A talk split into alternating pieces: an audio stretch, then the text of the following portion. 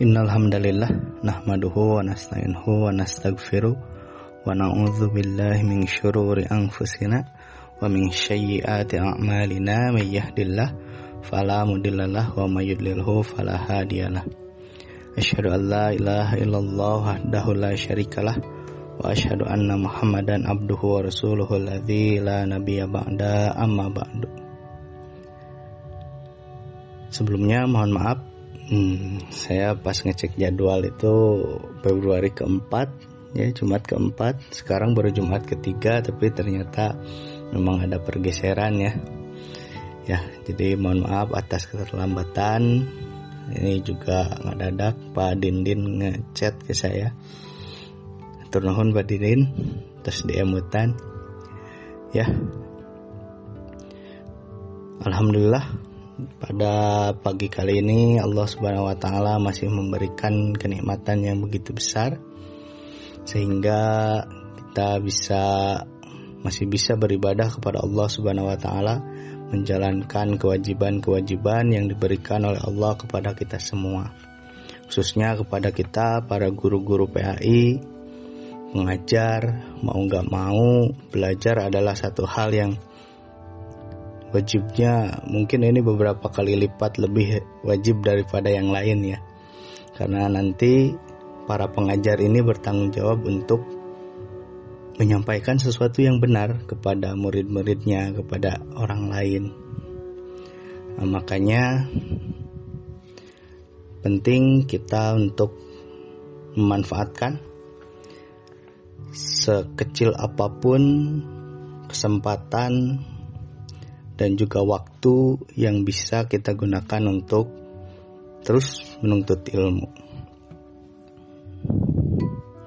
Jika melihat apa yang sudah dilakukan oleh para ulama kita ya dalam sejarah Islam, tentu saja sepertinya harus ya kalau kalau kita ini uh, umat Rasulullah kita harus malu termasuk saya saya pun ya seharusnya malu melihat semua yang telah dilakukan oleh para ulama-ulama kita untuk menjaga keaslian Islam hingga akhirnya sampai ke tangan kita sekarang. Bapak dan Ibu mungkin bisa membayangkan ya bagaimana Al-Qur'an yang dulu turun kepada Nabi Muhammad secara berangsur-angsur ayat demi ayat, surat demi surat turun dengan proses yang cukup panjang, 23 tahun kurang lebih. Betapa banyak usaha yang telah dilakukan oleh para sahabat, para tabi'in, dan para ulama setelah para tabi'in itu yang mereka begitu besar perhatian dan tanggung jawabnya sehingga kita bisa masih bisa sekarang kita membaca Al-Quran sebagaimana apa yang turun kepada Nabi Muhammad SAW dahulu.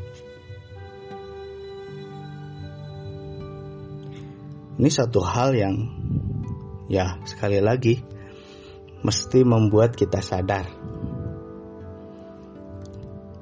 Mungkin Al-Quran kita anggap ya satu wahyu yang begitu saja sudah selesai sudah final begitu dari awal sampai akhir. Padahal enggak.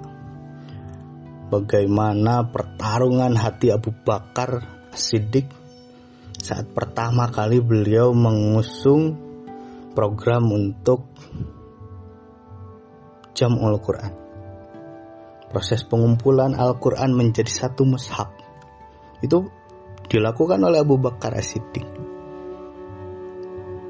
Walaupun waktu itu ya Umar bin Khattab, sahabat yang mulia yang begitu luar biasa cintanya telah mengalahkan kebenciannya ya kepada Nabi Muhammad dulu.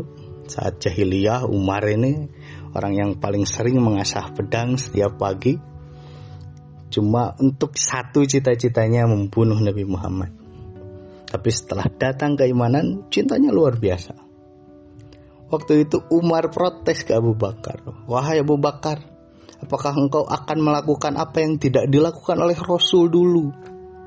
rek bid'ah cina Abu Bakar didinya make jeng dikumpulkan Quran tapi kata Abu Bakar kalau aku tidak melakukan ini aku takut orang-orang setelah kita ini tidak akan mendapatkan Al-Quran secara utuh karena hilang dalam hafalan para penghafalnya yang meninggal di medan perang misalnya. Walaupun berat, Abu Bakar tetap melaksanakan proses itu.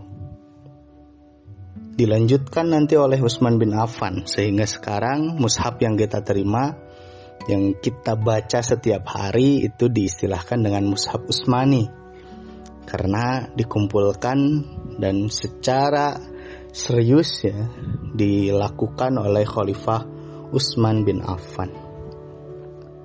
Begitu besar peran Utsman bin Affan untuk menjaga keaslian Al-Quran ini.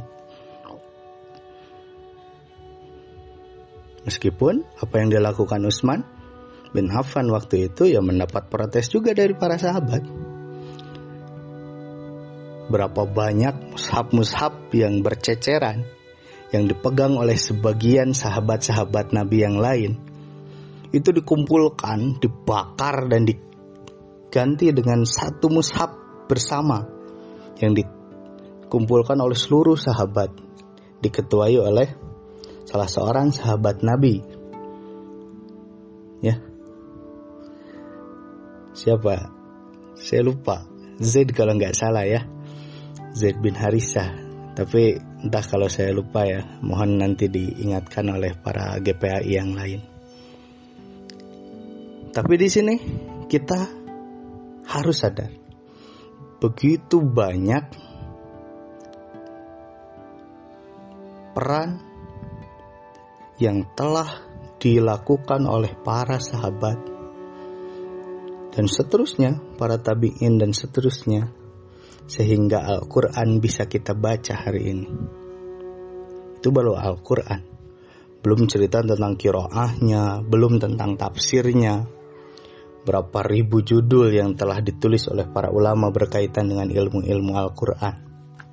Tafsir Al-Quran berjilid-jilid, membahasnya dari sudut pandang apa, sudut pandang apa, luar biasa. Gak habis-habis. Itu baru Al-Quran. Belum lagi hadis Nabi. Hadis Nabi ini luar biasa prosesnya ada sahabat-sahabat yang begitu telaten mencatat. Kontroversi juga, iya.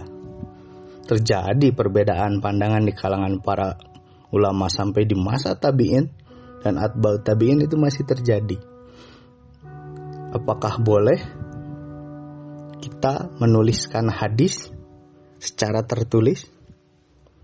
Perdebatannya nggak selesai sampai di zaman itu, sampai di zaman modern pun masih. Orang-orang sekarang pun masih ada yang mengatakan bahwa hadis Nabi itu nggak ditulis sebelum tiga abad. Abad ketiga Hijriyah. Sampai-sampai nanti orang-orang barat mengatakan bahwa hadis itu nggak ada yang betul-betul dari Nabi. Tapi lihat usaha para sahabat. Ada beberapa orang sahabat Misalnya Ali bin Abi Thalib, beliau menulis sabda-sabda Rasul dan menyimpan catatannya dengan baik. Belum sahabat Nabi yang lain, Abu Hurairah, Ibnu Abbas, Mus'ab bin Umar, dan lain sebagainya. Yang dilakukan oleh para khalifah pun Abu Bakar, ada peran yang begitu besar yang membuat sabda Nabi masih bisa sampai kepada kita. Empat khalifah punya empat pendekatan yang berbeda untuk menjaga keaslian sabda-sabda Rasul. Abu Bakar dengan menjaga supaya enggak seenaknya orang berkata kata Rasul, kata Rasul, kata Rasul. Mempersedikit riwayat dalam uh, istilah para ulama ahli hadis. Karena beliau takut nanti apa-apa dikatakan cek rasul, cek rasul, padahal aslinya enggak. Dan itu terus terjadi prosesnya. Pemalsuan terhadap hadis besar-besaran pernah terjadi. Alasannya banyak. Ada yang untuk ah mah ngarah semangat we diajar agama. Wah, ieu mengarah sieun we kana ngagawean ngagawean pagawean nu pinarakaeun. Tapi nggak seperti itu. Karena kata Rasul man kadzaba alayya muta'ammidan falyatabawa maq'adahu minan nar. Ini konsekuensi yang paling berat untuk siapa pun yang mengatakan cek Rasul padahal eueuh hadisnya. Satu hal yang sangat berbahaya. Sampai-sampai Abu Hurairah, seorang sahabat Nabi yang terkenal paling banyak riwayatnya, beliau itu takut awalnya. Di awal-awal masa ke para sahabat khalifah awal itu, Abu Hurairah kan cukup panjang ya usianya. Di masa awal itu Abu Hurairah gak terlalu banyak menyampaikan hadis kepada para tabiin. Tapi setelah diingatkan oleh sahabat yang lain, wahai Abu Hurairah jangan sampai hadis-hadis Nabi ini hilang karena kamu tidak meriwayatkannya. Karena itu adalah kitmanul ain. Sedangkan menyembunyikan ilmu juga dosanya besar luar biasa. Tapi beliau takut, takut salah, takut nanti disalahartikan dan takut nanti ya disalahgunakan hadis-hadis Nabi ini. Karena memang seperti itu terjadinya. Quran disalahgunakan, hadis disalahgunakan. Itu sering terjadi. Nah, akhirnya di akhir menjelang wafatnya Abu Hurairah ya menyampaikan hadis sebanyak-banyaknya karena takut terkena hukuman eh, apa azab Allah untuk orang yang menyembunyikan ilmu. Itu masih fase awal.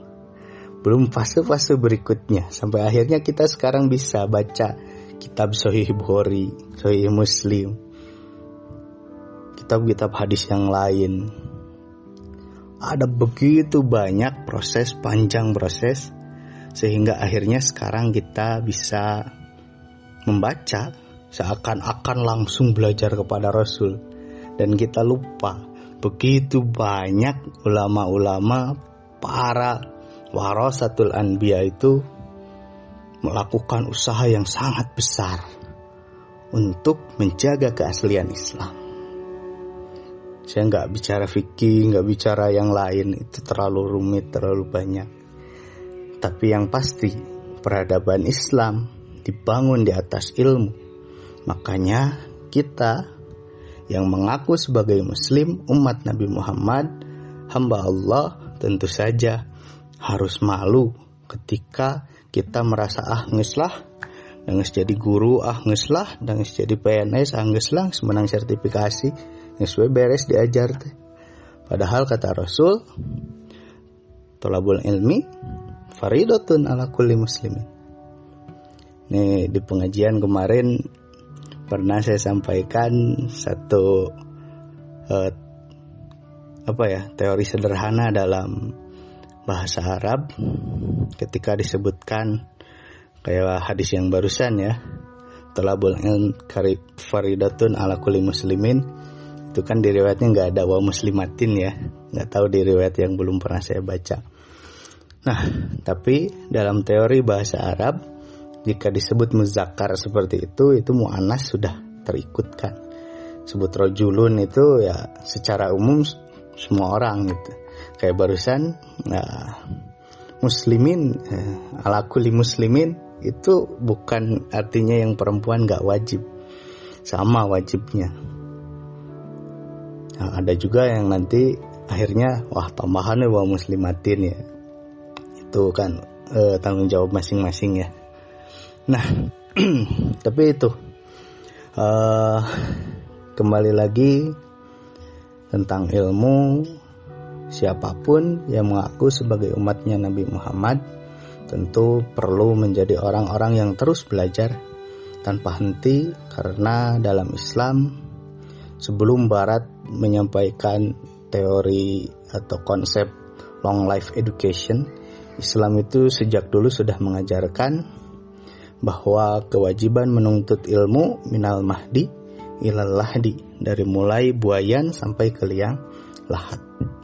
Hanya maut yang memisahkan kita dari kewajiban menuntut ilmu.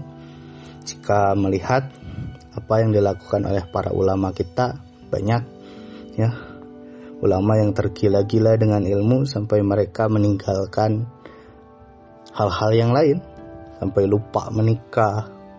Bahkan ia tidak keluar dari majelisnya dari perpustakaannya dari kegiatan membaca dan menulis kitabnya kecuali di mana ia meninggal dunia ini luar biasa guru-guru kita telah mencontohkan begitu banyak hal yang baik tentu saja kita sebagai murid perlu menjadi peniru-peniru kebaikan. Dan sebagai guru juga kita perlu memberikan apa ya? Ya setidaknya ada hal-hal baik yang bisa ditiru oleh murid-murid kita dan satu yang paling penting adalah semangat kita untuk terus menuntut ilmu. Sekian yang dapat saya sampaikan. Mudah-mudahan ada hal yang bisa dipahami, didapatkan manfaatnya. Mohon maaf agak panjang. Semoga ada hal yang bisa diambil manfaatnya dari apa yang telah saya sampaikan. Terima kasih. Uh, tutup saja dengan doa Rabbana hablana min azwajina wa dzurriyyatina qurrata a'yun waj'alna lil muttaqina imama Rabbana atina fid dunya hasanah wa fil akhirati hasanah wa qina adzabannar.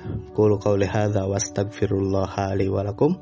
Wassalamu alaikum warahmatullahi wabarakatuh.